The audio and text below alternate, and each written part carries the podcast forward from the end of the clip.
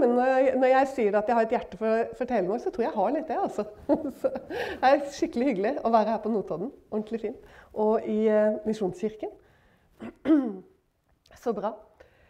Um, jeg tror at uh, Jeg tror kanskje at uh, jeg vil gå rett til ordet. Fordi jeg har lyst til å bruke tiden min. Og er det noe du lurer veldig på, hvor jeg bor og sånne ting, så adressen og sånn, så får du heller Jeg bare tøyser. Så får du heller snakke med meg etterpå hvis det er et eller annet jeg burde sagt. Det er mer sånn jeg mener. Vi er her to, som ble sagt her innledningsvis. Vi er i tjeneste sammen nå, det kan jeg si. Og det er så utrolig bra, og vi er så takknemlige til Gud at vi får lov til det. Og du kan finne, hvis du skulle ha lyst til å høre mer, og du egentlig ikke kjenner noe til meg fra før av, og du mot formodning Nei, er bare tøyser. Du skulle tenke at du har lyst til å høre mer. Så kan du gå på utentvil.com på nettet. Da har vi nettside, og vi legger alle talene ut der. Og der kan du finne podkast, og det er ulike muligheter. Du kan også finne oss på Spotify og på YouTube. Og på YouTube ligger det også mye annet. Jeg har tidligere tjent i Internasjonale kristne ambassade. Det ble vel nesten syv år. Jeg gikk ut derfra i fjor, i november, for å gå tilbake som frilansforkynner. Og det har føltes utrolig rett. Så jeg er veldig takknemlig for de årene jeg hadde der, og veldig, veldig glad for å være tilbake i tjeneste, og at Erlend og meg kan stå sammen nå. Så da har jeg egentlig sagt litt, og det var bra, tror jeg. Men dere, jeg vil begynne som jeg ofte gjør. og det er sånn at jeg blir minnet om et vitnesbyrd som er bare sånn yes, liksom rett inn i det jeg skal tale om. Og jeg er veldig takknemlig for disse ulike menneskene man treffer. Og, eh, og det er man jo på, på forskjellige måter. Og tenk igjennom det, hvor mye disse relasjonene betyr i livene våre. Disse menneskene som Gud har ledet deg til. Som har fått lov til å bety noe helt spesielt inn i livet ditt. Og det er mer enn én, helt sikkert. Men så er det også alle disse som man treffer under sin vei, som noen ganger forteller eller sier ting som setter meg i gang i forhold til Guds ord. Og en av disse det var en en jødisk troende kvinne som jeg traff i Jerusalem under, under løvehyttefesten. Og du vet at Da er det jo ofte stappfullt av jøder i Israel, for det er tre høytider ifølge Guds ord hvor de skal samle seg i Jerusalem. Og det vet dere kanskje, det er påske, det er pinse og det er løvetefest. Av alle Israels fester så er det de tre hvor det er en befaling fra Gud at de skal komme til Jerusalem. Så Under løvetefesten så er det veldig mye rørelse i byen. Og du som har vært der kanskje under denne høytiden, vet at det er veldig stappfullt med folk, for det kommer mye turister også. Mange kristne. Men Erlend og meg gikk der i tjåka fulle gater i gamlebyen i Jerusalem. Og så kommer en kvinne bort og så bare legger, liksom tar hun hånden ned i lommen min. Veldig overraskende. Så jeg liksom, først så trodde jeg var en lommetyv. Så jeg liksom skvatt litt og tok hånden med en gang ned i lommen. liksom, for å kjenne, er det noe jeg ikke har lenger i lommen. Og så så jeg at det var et lite kort, og så tar jeg det opp. Og så er det kort med de ti bud. Og så tenkte jeg, ble jeg veldig nysgjerrig. liksom, At en eldre kvinne kommer og legger det i min lomme. Og jeg så med en gang at på en måte hun var jødisk. for du så hun hadde liksom denne tradisjonelle parykken sånn, som veldig mange ortodokstroende kvinner har. Så jeg løper litt etter henne og så sier jeg, du, sa jeg, du la denne her i lommen min. Hvorfor gjorde du det, sa jeg. Og så sier hun, å, sier hun, du skjønner at Messias kommer snart. Og, og, og så deler jeg ut slike for jeg vet at du ikke er jøde, sier hun. Men om du bare holder de budene, så går det bra, sa hun. Det var så søt. Og jeg tenkte hun hadde sånn utrolig hjerte. da, sant? Altså hun, hun gjorde hva hun kunne da, ut ifra sitt hjerte. Og så, og så, sa jeg til henne at men, men hvem, tror at, hvem tror du at Messias er? Og så sier hun Og det var jo det som var så vidunderlig for meg, men samtidig litt trist. da. Men for meg var det veldig bra, for det, satt jo på en måte noe i meg. Og så fikk jeg mulighet til å si noe til henne. Hun sier hvem tror du at han er? sier jeg til henne. Så sier hun å nei, det er det ingen som vet. Nå begynte jeg plutselig å lure. Det er ikke min. Men den lignet veldig på min melodi. Det er noen sin mobil som ringer. Å, det er på kjøkkenet, ja. ja. Kanskje noen kan slå den av. Ja. Eh, vi er konsentrert om historien, og vi er i Jerusalem. Og, og hun Nei, det er det ingen som vet. Og så sier jeg eh, Mener du at du har liksom ingen tanker om hvem han skal være? Nei, det har vi ikke. Eh, og sier hun Ja, og rabbineren vår, han sier faktisk, faktisk, han kan være i kneset nå. Hæ? Jeg har hørt det siden nå, men det var første gang jeg hørte det. Så sier eh, han kan være i kneset nå. Det sier våre rabbiner at det kan hende. Han har bare ikke stilt seg fram ennå og vist seg som Messias. Og da sa jeg noe som jeg tror egentlig var veldig bra. Og jeg hadde ikke tenkt veldig ellers, så jeg tror Gud må ha blanda seg inn her. Så sa jeg til henne Du, se, har du lest, eh, har du lest i Daniels bok? Nei, det visste du ikke hadde. Nei, sier jeg. for deg. Da råder jeg deg til i hvert fall å lese Daniel 7 når du kommer hjem i kveld. I syvende kapittel. For du skjønner at da kommer du til å forstå at han, han er ikke i kneset. Og så sa hun Mener du det, sa hun. Ja, sa jeg, det mener jeg helt sikkert. At når du har lest Daniel 7 i kveld, så vet du at han er ikke i knesset. Da skal jeg hjem og lese Daniel 7, sa hun. Og det var så fint. Uh, jeg kjente ikke at jeg skulle si noe mer der og da, uh, men at det var det som var liksom møtepunktet mellom oss. Men det som det trigget meg veldig på, det er jo dette her. Altså hva er det hva er det vi, vi, er det vi venter på? Eh, og du vet at hun eh, var jo da et veldig sånn godt eksempel på å vente på noe som ikke har med denne boka her å gjøre, men som er av åndelig karakter. Altså, Hun venter på noe som er fullstendig løsrevet fra denne boka her. Og det er jo selvfølgelig veldig skummelt, da. Da, da, er jo sjansene for at, eh, at, du møter litt veggen på det. Og nå snakket vi ganske mye om det i Misjonskirka i Heddal i går. Altså dette her, Hvor mye på en måte vår teologi og vår tro eh, vil ha med vår vandring å gjøre. Og hvor kjempeviktig det er at det vi faktisk tror, er Guds ord. Men nå skal vi også bli litt der, men vi skal gjøre det på en litt annen måte. Fordi at akkurat dette her sånn, det møter vi jo også i Det nye testamentet. Har du tenkt over et sted som er veldig sånn godt eksempel på det? Og det er Det kan godt hende at du tenker på det nå òg. Det er jo Emmausvandrerne. I Lukas evangeliet kan vi lese om dem. Og de, vet du, de, eh, de gikk der og pratet sammen om det som hadde skjedd. Og, og, det, og, det, er ikke lenge siden det hadde skjedd heller. Jeg mener at de sier at dette her var på den tredje dagen. Så jeg lurer på om det kan være på kvelden etter at Jesus har stått opp, at de er på vei til Emmaus. Og så er de skikkelig sørgmodige. De er ordentlig lei seg. Og, og de går der og, minnes alt dette grusomme. Og det er hans disipler som går og snakker sammen. Og mens de går der på veien og prater sammen, så kommer han de prater om. og så går sammen med dem på veien. Og de, eh, Deres øyne er lukket, de kjenner han jo ikke igjen. Og, eh, og han, eh, han, liksom begynner å si 'Hva er det dere går her og snakker om?' sånn. Og, ja. og så sier de 'Er du alene?' Er det mulig, liksom? Har du ikke hørt om det som har skjedd? Og så, og så sier de 'Og vi', og det er jo det som er så bra, så sier de 'Og vi som trodde'. Ikke sant? At han skulle være den, vet du. At han var Messias, vi som trodde det. At han skulle være redningen for Israel.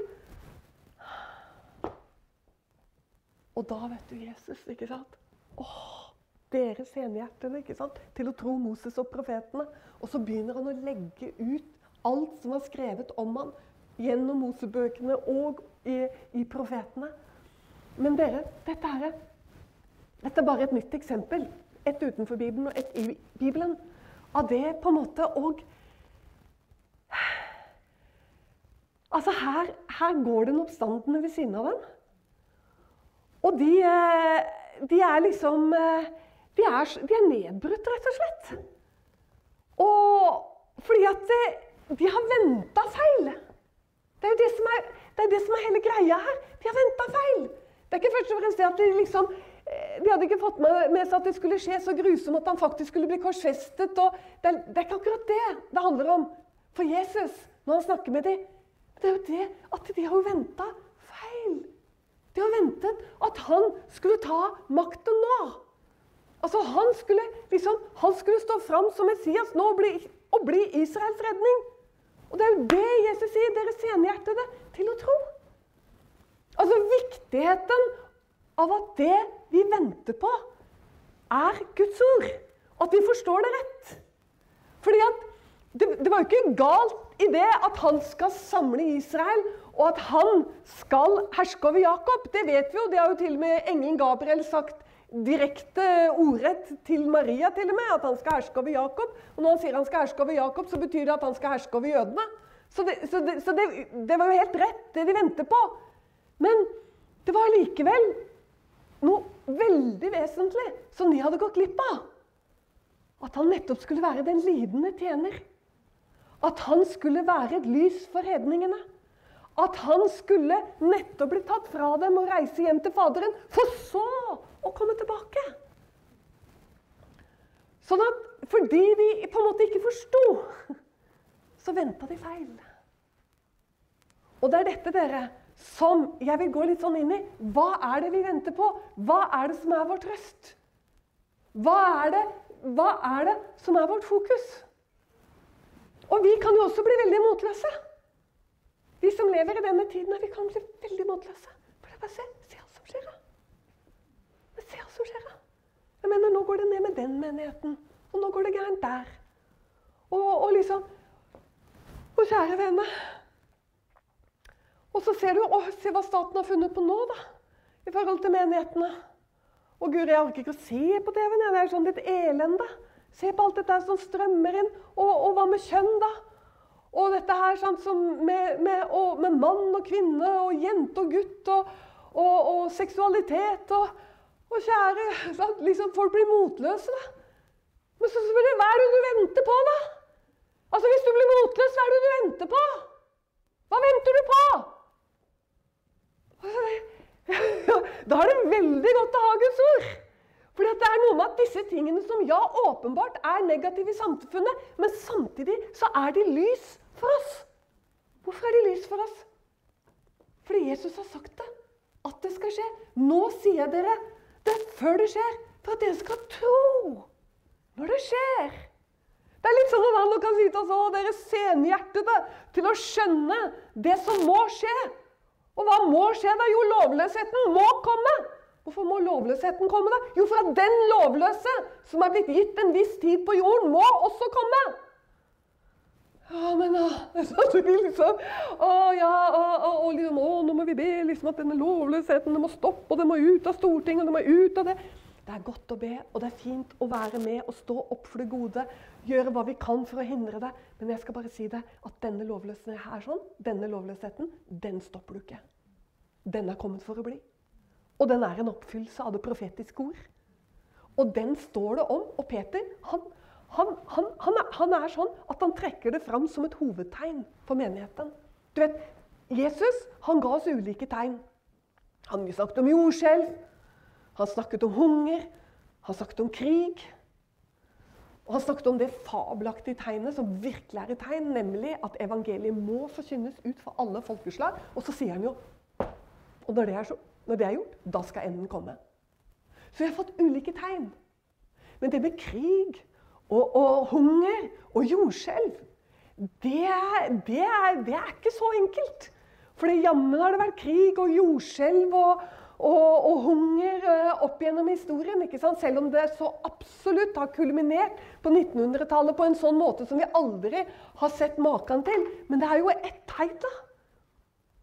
Som jeg nesten kaller som tegn eh, Jeg vet ikke om, om, det er rett å gjøre det, men jeg gjør det her i dag. Som tegn over alle tegn. Og det er jo nettopp lovløsheten og det som Bibelen sier at skal skje med mennesket. Og det er, ikke bare, det er liksom ikke bare én som har sagt det. Det er ikke bare Jesus som har sagt det, for å si det sånn. Og det i alle evangeliene. Men det er sånn at Peter taler om det. Det er sånn at Paulus taler om det. Det er sånn at Judas taler om det. Det er sånn at Jakob taler om det. Det er, det er, det er virkelig et hovedtegn. Og hvis du går til Peter, så står det jo så utrolig bra. Den måten han, han sier det på. Og det kommer i det andre kapittelet eh, på denne måten i annet brev av Peter. Og så står det at eh, fra sjette verset at Gud, legger, at Gud la Sodoma og Gomorra i aske og fordømte dem til undergang. Hør nå. Og dermed har han satt dem til et forbilde på de ugudelige i endetiden bare ser rett inn. 2000 år. Og er bare helt sånn der, Det er liksom sånn pil vet du, som går rett i mål. De er satt som forbilde for oss på de ugudelige i endetiden. Snakk om å være nøyaktig. Og så sier han at Gud fridde ut den rettferdige som plages ved de ugudeliges skamløse ferd. Her setter han Lot som bilde på menigheten. Lot, altså det, det, er liksom sånn Jeg tenker, Hvordan er det mulig, Peter, på ett vers, liksom, å være så Sodoma? De ugudelige i framtiden, i endens tid. Og så sier han Lot. Bruker han her som bilde på Guds menighet. Og så sier han at ja, de blir plaget i sin rettferdige sjel over det som skjer. Det ble Lot den gangen og hans familie. Og det, sier han, det blir eh, menigheten i den siste tid pga. den skamløse ferd. Og så står det For den rettferdige som bodde iblant dem, led dag for dag pine i sin rettferdige sjel ved de lovløse gjerninger han så og hørte. Og så kommer det videre. Så sant vet Herren, altså på samme måte som dette, så vet Herren å utfri de gudfryktige. Så står det fristelser. Det er ikke rett etter eh, gresk original. For, det, for da kan de Det er så viktig at disse ordene er korrekte. Nemlig av prøvelsen. Altså dette ordet som brukes om og om igjen av den store prøvelsen som skal komme over verden, som noen kaller den store trengsel. Så sant vet Herren å utfri de gudfryktige av den, men å holde de urettferdige i varetekt med straff til dommens dag. Aller mest dem som går etter kjød, står det, i uren lyst osv. Du, eh, hva, er det, eh, hva er det vi er opptatt av?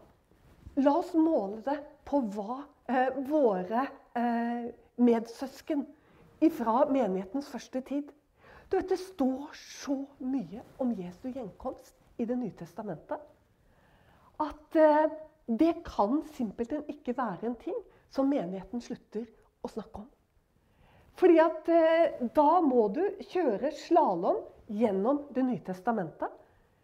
Fordi det er så intenst mye av det i alle fire evangeliene og i alle brevene, i apostlenes gjerninger og i Johannes' åpenbaring. Det er helt utrolig. Og det er blitt sånn at man har sagt at ja, vet du Den første menigheten må ha trodd at Jesus kom tilbake mens de ennå levde. Fordi de, altså de snakker så mye om, og det er dette håpet som går igjen. Håpet, håpet, håpet. Og en ting til. Utholdenhet, utholdenhet, utholdenhet. Det snakkes om det i brev etter brev. Og dette ordet på gresk for utholdenhet, det er hypomenes. Og det brukes så å si veldig konsentrert om Jesu komme. Altså for å hente menigheten. Det er hypomenes.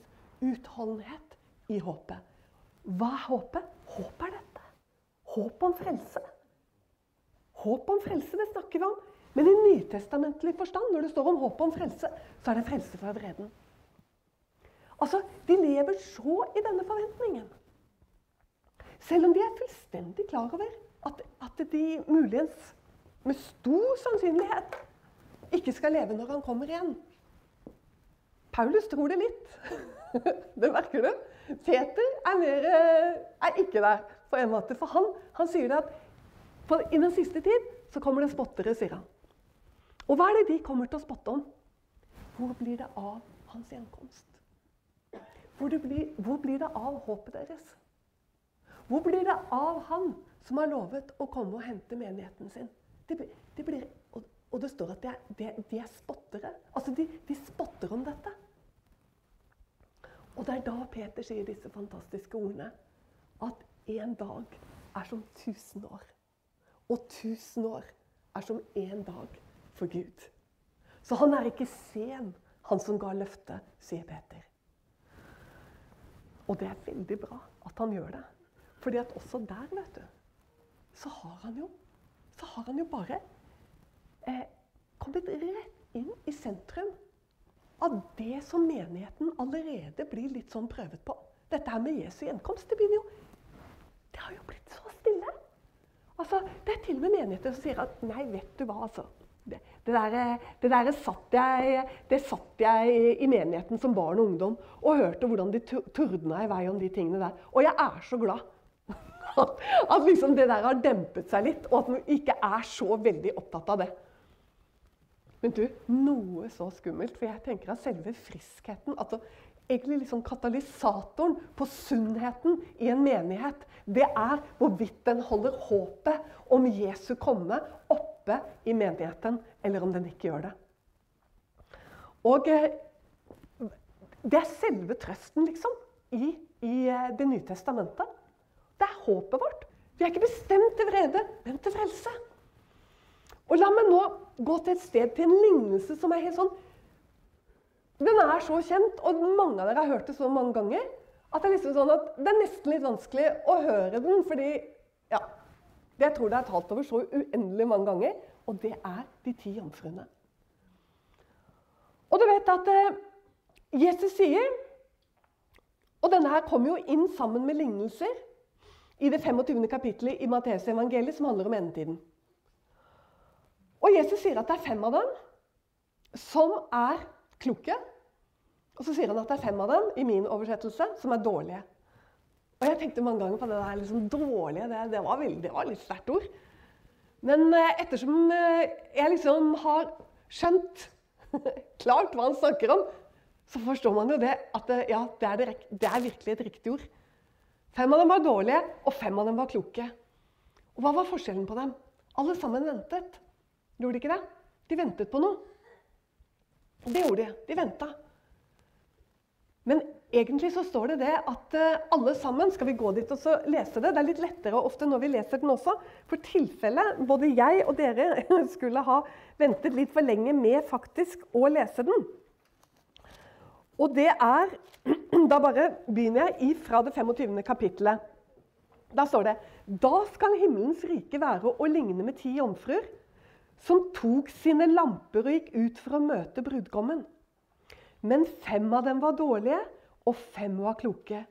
De dårlige tok sine lamper, men tok ikke olje med seg.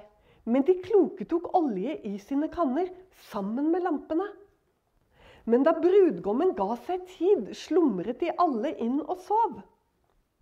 Men midt på natten lød det et rop. Se, brudgommen kommer! Gå ham i møte! Da våknet alle jomfruene og gjorde sine lamper i stand. Men de dårlige sa til de kloke, gi oss av deres olje, for våre lamper slukner. Og så videre. Og nå, nå bare stopper jeg der, for det, fokuset er ikke der på slutten, og vi vet hva som skjer. Men fokuset er på disse lampene og oljen, selvfølgelig. Fordi at alle har lamper. Og eh, alle sammen venter for så vidt på brudgommen. Men det underlige her, vet du, det er jo det at hvem er disse jomfruene? De er bruder. Og så vet vi det ut ifra eh, gammel hebraisk bryllupsskikk.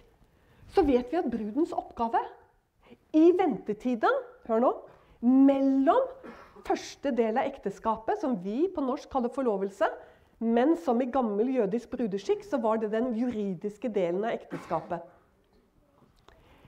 I denne mellomtiden så ventet bruden på å bli hentet.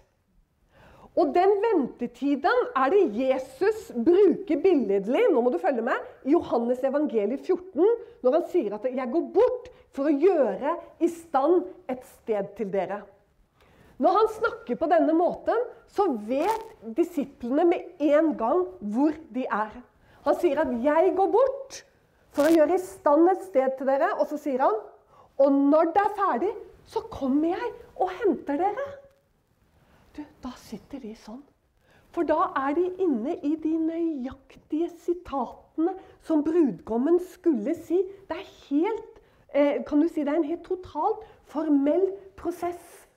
Når brudgommen og faren kom til brudens hus for å fri til henne, og hun svarer ja ved at hun tar imot det begeret med vin som han gir til henne. Altså Først så kommer han med kutuban.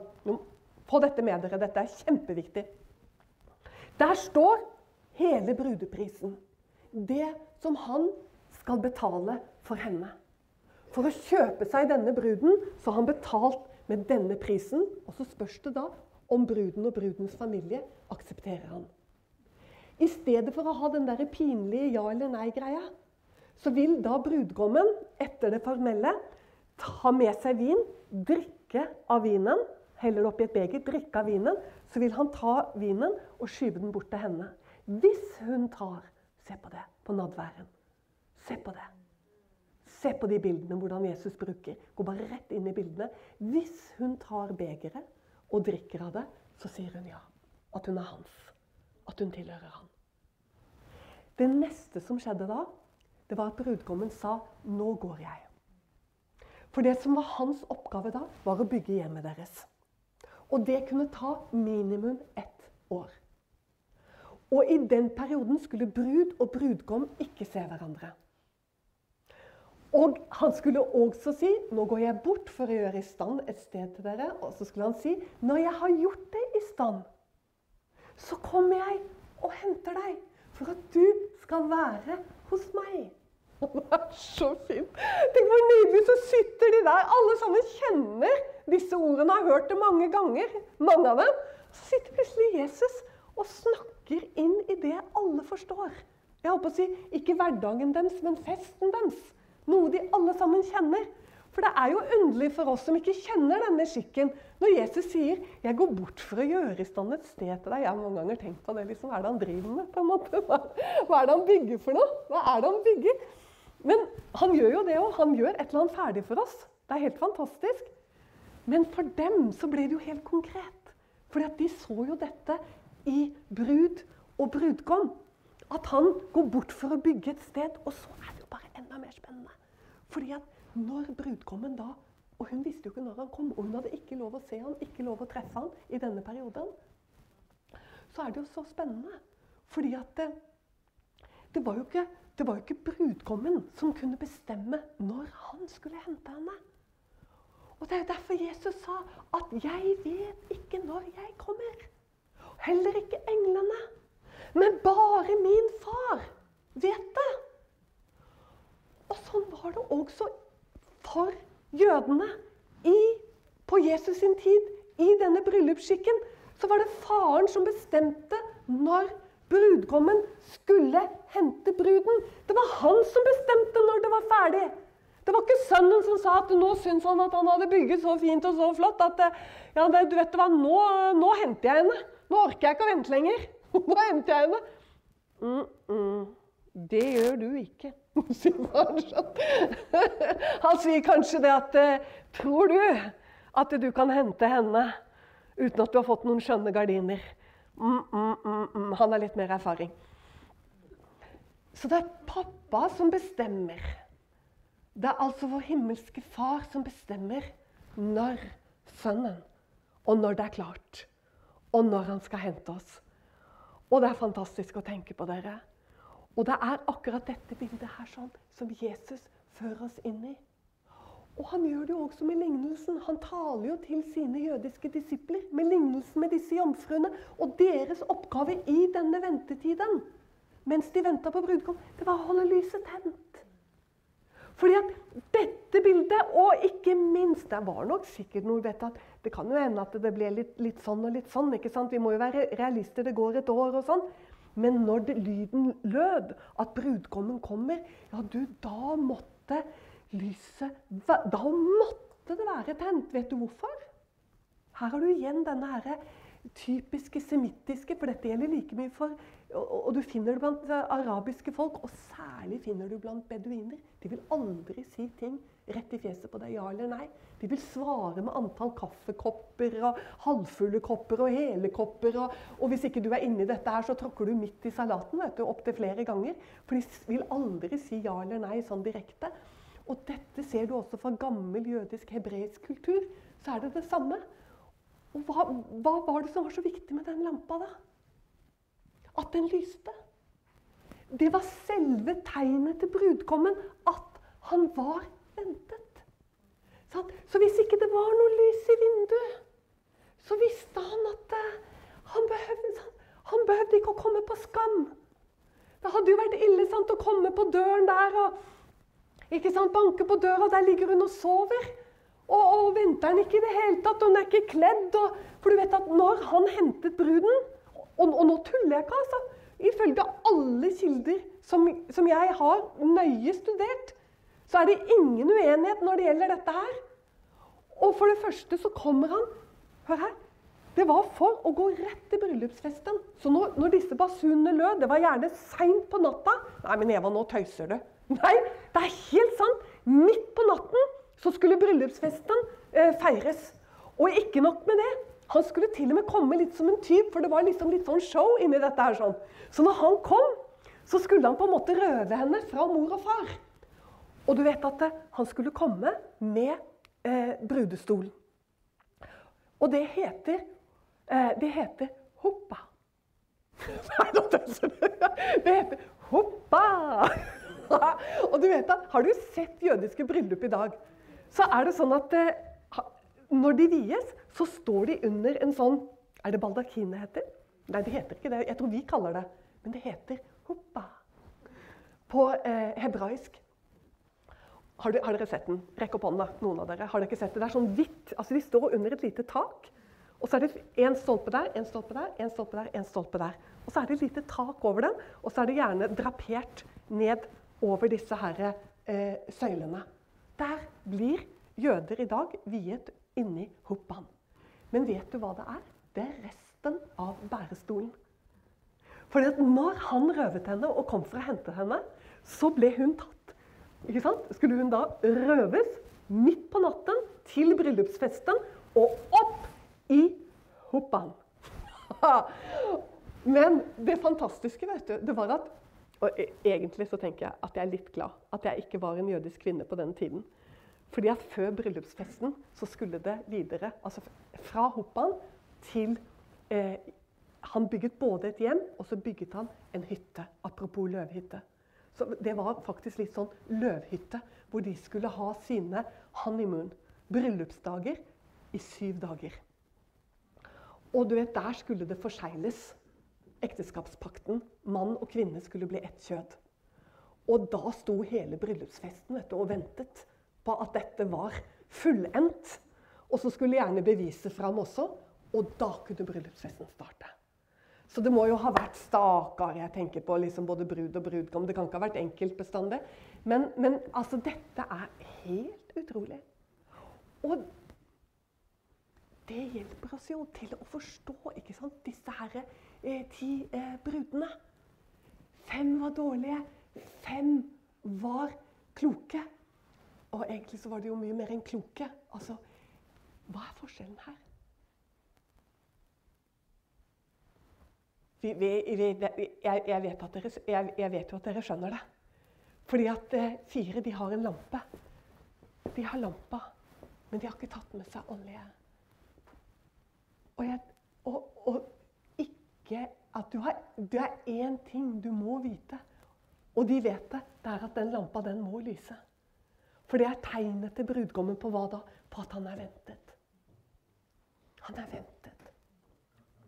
Så her har du altså en halvpart som har sluttet å vente. Og da, og da liksom går på en måte litt ordet ut her nå. Hvor er vi i vår forventning? Og, og jeg, jeg, det er sånn Man blir litt sånn engstelig når man snakker om disse tingene. fordi jeg, Mange ganger så tenker jeg sånn at vi har hørt og hørt. Og så er det nesten sånn at vi liksom litt slutter å høre og slutter å tro. Og det er jo akkurat dette som er skummelt. Fordi at det, det, det, det liksom, blir litt fjernt.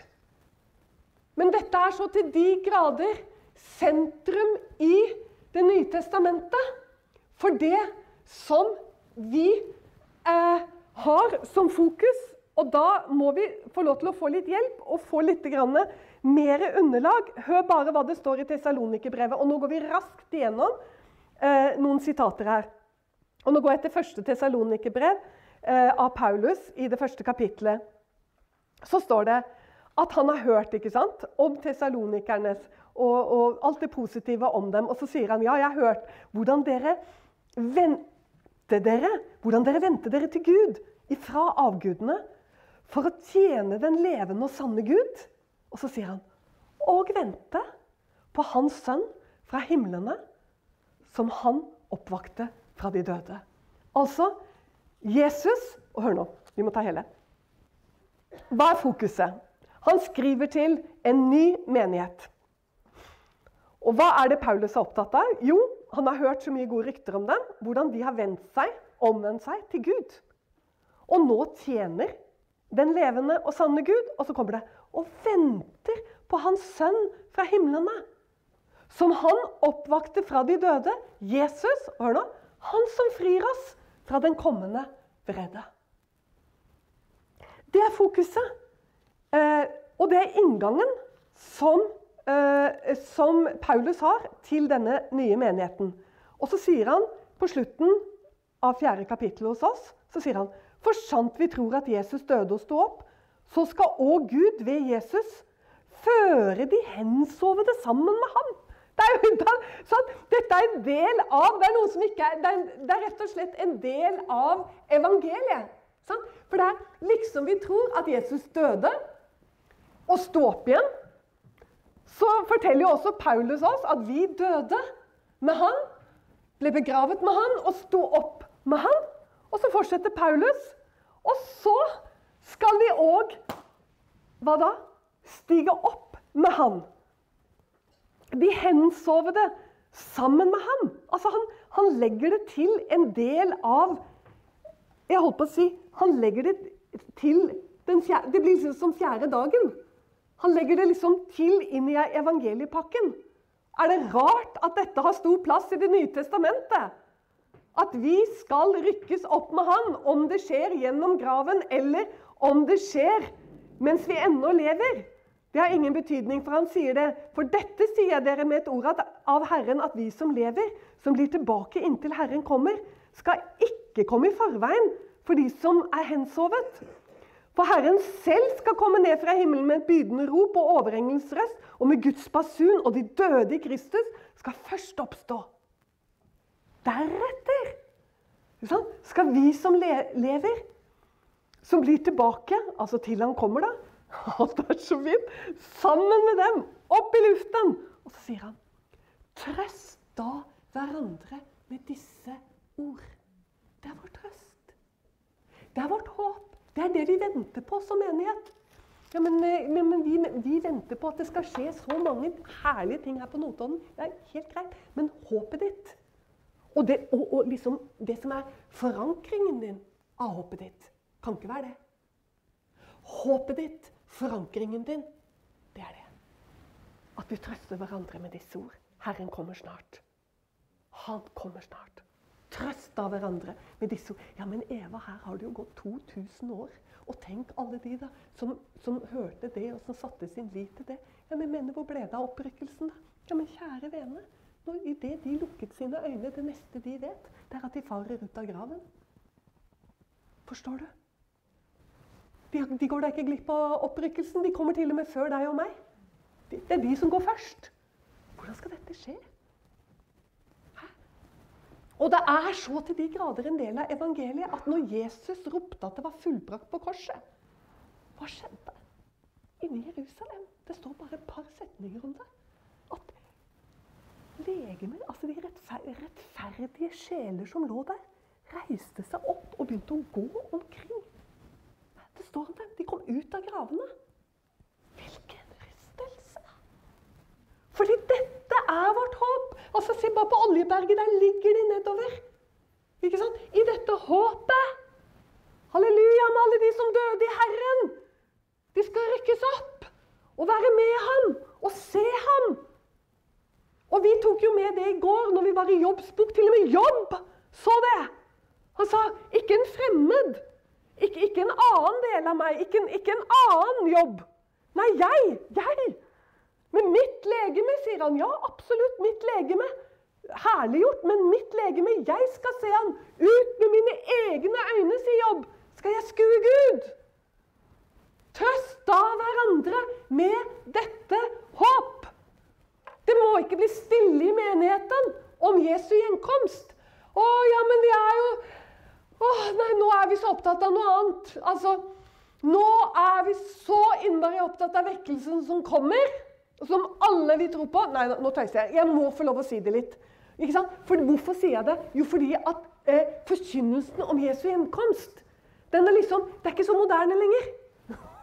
Det er sånn utrolig snåle greier. For nå er det moderne med noe annet.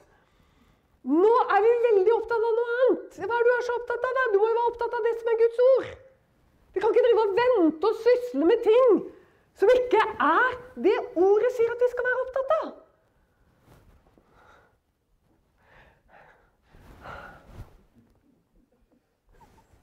Jeg blir sånn voldsom. Men eh, jeg må, bare, jeg må, bare, ta med noen sitater til her. for det, ikke, det, må liksom sikkert bankes litt inn igjen. Men om tidene og stundene, brødre, trenger dere jo ikke til at noen skriver til dere. Dere vet jo selv at Herren kommer som en tyv om natten. Hæ? Bare det sitatet, ikke sant? Og så sier han for dere er alle lysets barn og dagens barn. Vi hører da ikke natten til, sier Paulus, eller mørket til. Og Derfor så sier han litt lenger ned at eh, ta Hva da? Han sier ta håpet om frelse på deg som hjelm. Det er et godt råd i denne tid. Håpet om frelse, det er det samme. Det er det samme håpet. At du skal frelses fra vreden, det skal være din hjelm i denne tid. At du skal ikke inn i vreden. Og så kommer det litt lenger ned. Niende verset. For Gud bestemte oss ikke til vrede, men til å vinne frelse ved vår Herre Jesus Kristus. Altså, han skal komme og ta oss til der hvor han er. Ja, han kommer tilbake på jorden en dag, men det er ikke det som skal skje først. Han skal ta oss til seg for at vi skal være der hvor han er. Fantastisk. Hebreerbrevet 9.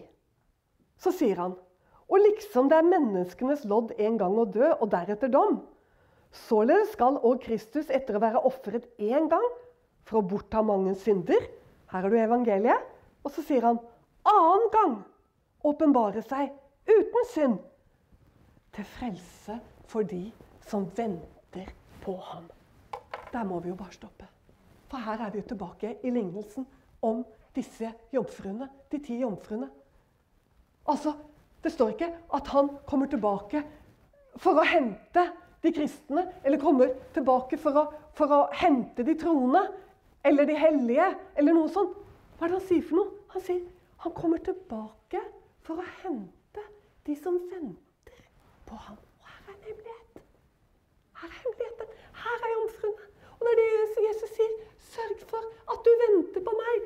Sørg for at du lengter etter meg. Tenk på slutten av Johannes' åpenbaring. Hvordan er det Bibelen slutter? Apropos lengsel. Du vet at en brud som blir atskilt fra brudgommen sin i minimum ett år Hvis dette er et lykkelig bryllup, og dette bryllupet vårt er et lykkelig bryllup Hun lengter så innmari når hun går i sin kidoshim. som er det året Hør nå. Året mellom den juridiske kontrakten til huset er ferdig og han henter henne. Det heter kidoshim. Og hva er kiddushim? Det er et hebraisk ord. Og hva betyr det? Det betyr helliggjørelse. Helliggjørelse. Så den tiden mens hun går og lengter sånn etter han, så helliggjøres hun. Lengselen helliggjør henne. Hun blir opptatt av det som hører han til. Hun blir opptatt av sant, hvordan hun skal glede han, hvordan hun kan tekkes han. Hun blir opptatt av det som har med eh, det livet hun skal leve med han. Det som gjelder i det livet som hun allerede er viet inn i. Det er det hun er opptatt av. Og selvfølgelig så lengter hun jo så veldig. For hun, er, hun elsker jo brudgommen sin. Dette er en lykkelig ekteskapskontrakt. Hun har tatt det der blodsbegeret, vinbegeret, og sagt ja fordi hun elsker han. Og hun lengter sånn, og hun venter sånn. Og hør hvordan Bibelen vår slutter. Og ånden og bruden, hør hva ånden sier til menigheten, står det i begynnelsen av åpenbaringsboken. Hva ånden sier til menigheten, til bruden. Hva er det ånden og bruden sier? Den som hører hva ånden sier, hva er det bruden sier? Jo, bruden sier 'kom'. Og den som hører det, si 'kom'. Hør du? Du som hører det, si 'kom'. Og den som tørster, han komme, og den som vil, han tar livets vann uforskyldt. Og så slutter Bibelen i siste to versene, han som vitner dette, sier, 'Ja, jeg kommer'. Hvem er det? Det er Jesus som sier til oss, dere, 'Ja, jeg kommer snart'. Amen, sier bruden. 'Ja, kom, Herre Jesus Kristus'. Og nå skal jeg fortelle deg en hovedgrunn til at han ikke har kommet. Og det er at han venter på sin vestlige menighet i verden. At bruderopet blir tydelig inni oss fordi han elsker oss. Han ser at vi har sulla oss til. Han ser at vi har begynt å sysle med andre ting. At vi glemmer både han og hvem vi er. Han ser dette, og han venter fordi han ser at hans brud ikke har denne. Kom, denne lengselen. Kom. For du skjønner, det nytter ikke bare at hans brud i Afghanistan sier 'Kom, Herre'. Eller de forfulgte i Nigeria sier 'Kom, Herre'. Eller de forfulgte i, eh, i håper jeg, Burkina Faso av alle steder. Altså, det er så mange steder eller i Pakistan at han hører sin brud si 'Kom, Herre, kom! Ja, kom snart!' Han må høre bruden, fordi bruden, det er det bruden er. Man hører ikke bruden i Norge rope 'kom'. Og det er her skjønner du, at alle de vanskelige tingene som kommer til å skje framover, det kommer til å bli bra for oss. Det kommer til å bli så bra. Lovløsheten og alle disse tingene, for de kommer til å gjøre som de gjorde med Lot, at han led pine i sin rettferdige sjel. Mer og mer er trengt, og mer og mer, som Jesus sa, når disse tingene begynner å skje, da retter dere opp og løft hodene, for deres forløsning stunder til. Så da smerten og pinen i verden gjør det at du løfter opp ryggen din, og du løfter hodet ditt. Og så er det noen som sier ja, det gjør vi, for da, da, da, begynner vi å be. Så ja, ja, det er herlig, det begynner å be. Men det er ikke det Jesus vil si. Det er at du blir himmelvendt. Det, det, som skjer, er at du sier, 'Herre, kom'. Jesus, kom. Kom! Jesus, kom! Og den og det ropet må han høre i deg også. Og du skjønner, Istedenfor at du kaster deg over telefonen og sier at 'Å nei, nå har dette fryktelig begynt igjen'. ikke sant? Og nå er det, 'Jeg skjønner ikke hvorfor jeg skal ha det sånn i livet mitt'. 'Jeg fatter ikke hvorfor det skal være så vanskelig i vår familie', hvor det skal være mye, så mye ulykker og trengsler i familien vår. Takk han. Takk han under alle forhold. For det han holder på å gjøre, det er å på en måte eh, skape deg inn inn i brudeposisjonen. Han helliggjør deg. Helliggjør deg. Du skjønner, Helliggjørelse er liksom ikke noe sånn på sida av livet som vi driver med. At nå er jeg liksom inne i helliggjørelse for tiden. Skjønner du sånn? Det er livet, kjære venn, som helliggjør deg. Det er de vonde og vanskelige tingene som du virkelig kan takke for, fordi de helliggjør deg. Og hva er det å bli helliggjort? Det er å lengte etter Jesus. Det er å løfte ansiktet opp og bare ha dette hjertet som sier Å, Jesus, kom. Jesus, kom. At det, når hører om all ulykke og elendighet og egentlig så, sant? Vi vet at vi har en brudgom. Han klarer ikke å se på det onde engang. Han, han kan ikke se på det. Sant? Og når du plutselig sitter og ser på, så går du bort og så skrur du av TV-en. Det er ikke underholdning. Gud, må du komme snart, Jesus. Så sier han ja, men jeg tør ikke å be om det, at barna mine er ikke frelst. Kjære Gud, stoler du ikke mer på Gud? Stoler du ikke mer på Gud? Ikke vær redd for å be han om å komme. Bruden sier 'kom'. Bruden sier 'kom'. Og du skjønner, Det er dette bruderopet han hører. Han hører, Det er sånne lyspunkter rundt i verden hvor han hører dette ropet. Han hører det ved plasser i Latin-Amerika, han hører det steder i Asia, han hører det steder også i Europa. Men han venter og han drøyer, fordi bruden må si 'kom'. Fordi han er der. Hørte du hva han sa? Hva er det? Han sier ja. Sant? Han lengter sånn, vet du. Ja! Jeg kommer! Sant? Jeg kommer! Men Faderen i sin kjærlighet holder han igjen. Fordi at hele hans brud Så mange som mulig, og han har i hvert fall ikke tenkt å miste mer enn den halvparten som han gir oss i Matteus evangeliet. Sant? Vi forstår det ut ifra alt han har sagt, så skjønner vi at det, er, at det går mot en slags deling som vi ber imot, og som vi ikke vil skal skje. Men allikevel må den skje. Fordi at en del vil gå. Hva er det som gjør at, at Hør her, jeg må bare si dette før jeg gir meg. Hva er det som gjør at du får en del, dessverre, som ikke har dette? Det går an å unndra seg forfølgelse. Fordi, fordi forfølgelse er jo det som kommer til å skape brudeskikkelsen i deg. På uli, på, altså, hør nå. Livet som sådan, fordi Gud er veldig flink på disse tingene. Også gledene og velsignelsene. Det er ingen som er som en mester som han. Men hør hva jeg sier. Forfølgelse er veldig på dette å skape bruden. Og rope inn i bruden. Men så går det an å la være å bli forfulgt. Det går an å tilpasse seg. Det går an å tilpasse seg. Det går an å tilpasse seg tida og kulturen og endre seg. Men det er på bekostning av bruden og lengselen. For dette går hånd i hånd. Du får ikke det ene uten det andre. Og velger du det ene, så får du det andre. Og velger du det ene, så får du det andre. Og da er det vidunderlig å kunne slutte her nå i Misjonskirka på Notodden. Så bare at vi får lov å bare åpne våre hjerter til Jesus og si Herre, jeg, Gud, se til meg.